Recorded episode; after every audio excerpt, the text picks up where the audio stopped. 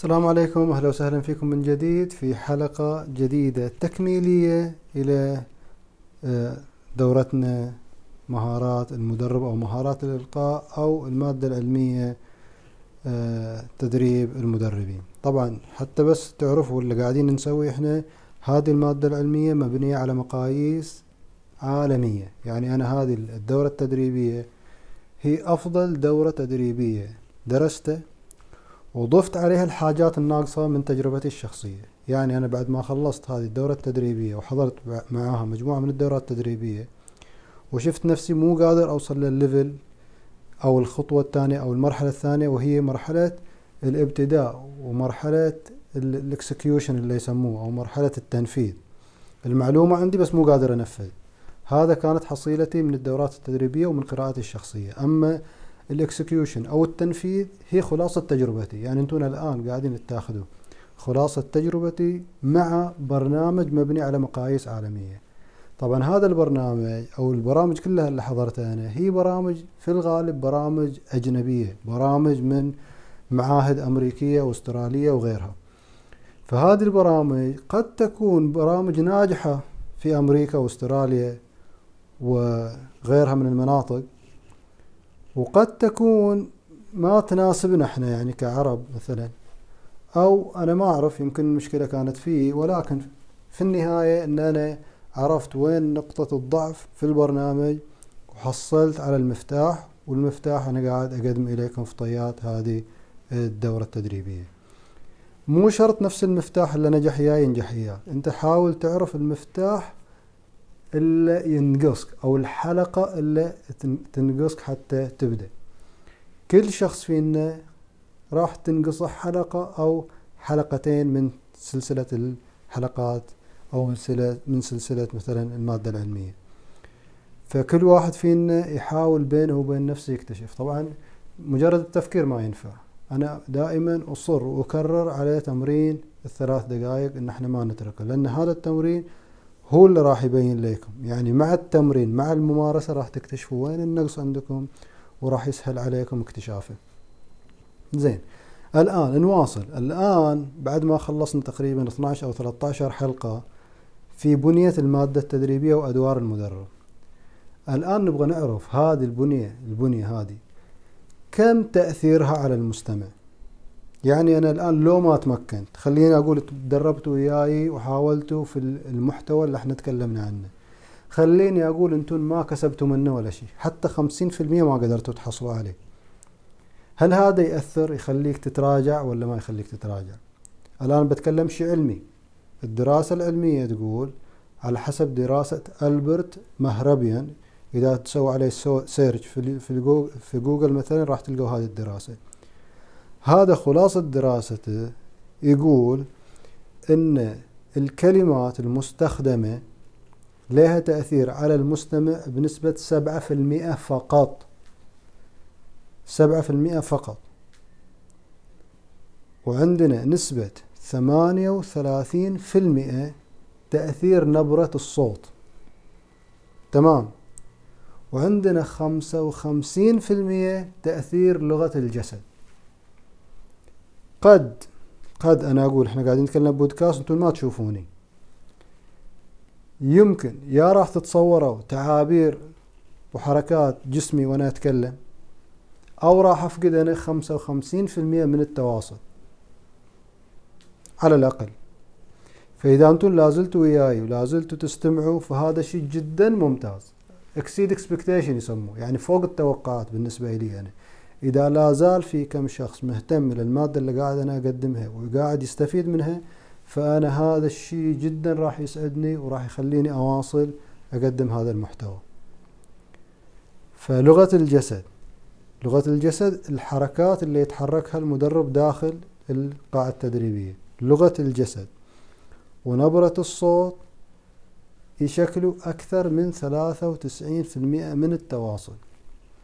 سبعة في المية على المحتوى. فأنت لو ما تمكنت من المحتوى أو انتين لو ما تمكنتي من المحتوى هذا ما يعيقش في التقدم أو ما يخليك تتراجع. بالعكس هذا الشيء يعطيك حافز إن أنت تحاول وتحاول وتحاول وتعرف ان لو ما تمكنت من هذا الشيء هذا ما راح يكون له تأثير أكثر من سبعة في المية تقدر تغطي السبعة في المية هذه بشغلات راح نتكلم عنها. يعني واحدة من الأمور اللي تخلي لو كان عندك لغة الجسد مو تمام وما تعرف تستخدم نبرة الصوت وعندك لغة وعندك الكونتنت أو المحتوى عندك فيه ضعف تقدر تغطي هذا الكلام بالمشاعر. يعني إذا كان واحد صادق قاعد يقدم يعني شيء خلاصة تجربته أو قاعد يقدم يعني يعني تعرضت أنا مثلا إلى موقف أو آلام أو تجربة فيها ألم وفيها مثلا فشل ذريع وهذا الفشل سبب لك مشاكل وعطلك في حياتك وبعدين اكتشفت الحل ونجحت. ولقيت واحد حسيت إنه بيطيح في نفس المشاكل اللي أنت واجهتك أو نفس العقبات اللي أنت واجهت. وبدأت تجي تحاول تساعده وتخليه تنبهه إلى هذه العقبات حتى لو كان كلامك مو مرتب حتى لو كان كلامك خرابيط حتى لو كان أي شيء مو مو منمق مو مزبط المفردات اللي تستخدمها مخربطة. وفي أخطاء كثيرة في التدريب. كل هذه الأمور الشخص اللي قدامك راح يتغاضى عنها لأن أنت عندك مشاعر صادقة. فالمشاعر الصادقة هذه راح تعطي نقلة وبيخلي الشخص اللي قدامك يضل يستمع إلك. زين خلينا الآن الحين نرجع شوي. لازلنا الحين مقدمة إحنا في النقلة اللي نبغى ننتقلها الجديدة. إحنا قلنا المحتوى اللي تكلمنا فيه يشكل سبعة في المية. الفويس أو الصوت يشكل ثمانية وثلاثين في المية لغة الجسد يشكل خمسة وخمسين في المية. طيب في تمرينات إلى الصوت؟ لو ما في تمرينات. أكيد طبعا أي محتوى أي مادة علمية قاعد تقدمها أنت كمدرب محترف؟ حتى لو ما لقيت تمرينات. إذا إذا أنت تبغى شي جاهز تروح إلى جوجل وتسوي search وتأخذ تدريبات إلى ناس سبقوك في المجال هذا وتبدأ تقدمها. ما لقيت تمرينات أو لقيت تمرينات وأنت مو راكب راسك فتبدأ تسوي تمرينات بحيث إنها تناسب الجمهور. في الغالب أنا تجربتي الشخصية التدريبات أنا أفضل إن أنت ما تأخذها لا من لا من الكتب ولا تأخذها أصلا لا من جوجل ولا غيره. أنا رأيي الشخصي إن أنت تقدم مادة تدريبية أنت مارسته. المادة التدريبية حاول تشوف تجربة مريت بها في حياتك. هذه التجربة كنت تعاني من صعوبة معينة وبعدين تجاوزت هذه الصعوبة. فهذا الانتقال العملية الانتقالية أنت مريت بها خلال خطوات. هذه الخطوات حاول تستخلص منها تدريب. هذا التدريب راح يكون تأثيره أفضل من تدريبات تأخذها أنت من النت ومن غيره وأنت ما تعرف آه، فاعليتها. اللي أشوفه أنا يعني هذه تجربتي أنا قاعد أتكلم عن تجربتي الشخصية. الناس الآن قاعدين يبحثوا عن شخص يتعرض إلى مواقف تعرض إلى عقبات وعدى هذه العقبات وقاعد يتكلم عن خلاصته خلاصته أو خلاصة التجربة حقته.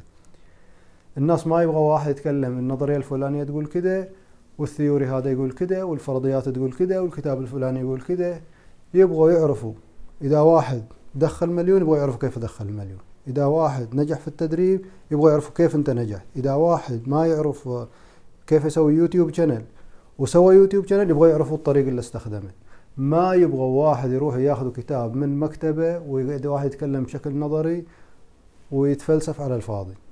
لما واحد مثلا زي أنا ما أفهم أو ما أعرف في السوشيال ميديا وما عندي متابعين متابعيني أربعة خمسة أنفار ولا خمسمية ولا أقل من الألف. وبعد فترة من الزمن يصيروا متابعيني مئة ألف أو مئتين ألف أو المشاهدات عندي مثلا توصل إلى المليون. أنا لما أجي أتكلم هذا الانتقال هذا الانتقال ملحوظ. أكيد في ناس يبغوا يوصلوا إلى المكان اللي أنا وصلت له. فهذه التجربة اللي أنا راح أتكلم عنها أو الشخص اللي قاعد يتكلم عنها هي هذه الأمور اللي يحتاجها المستمع. فأنت لا تدور محتوى ما يستهويك أو لا تدخل في مجال ما هو مجالك. دور أنت ما في شخص إلا ويكون عنده تجارب. حتى لو كانت على سبيل المثال واحدة عمرها مثلا 22 23 سنة وقاعدة في البيت ما تحركت من البيت. فأكيد هذه قاعدة تقضي وقتها وتصرف وقتها في في مكان معين وهذه تقدر تستخلص منها خلاصة تجربة فأخليكم اليوم عندي مكالمة الحين واجتماع بعد شوي. فهذا التدريب يبغى لكم الحين تسووا تدريب كذا تفكروا بينكم وبين نفسكم وش التجارب اللي مريتوا بها في الماضي وتجاوزتوها وتحاولوا تسجلوها أو تتكلموا عنها في تمرين الثلاث دقائق وأشوفكم إن شاء الله في مقطع جديد وتحياتي.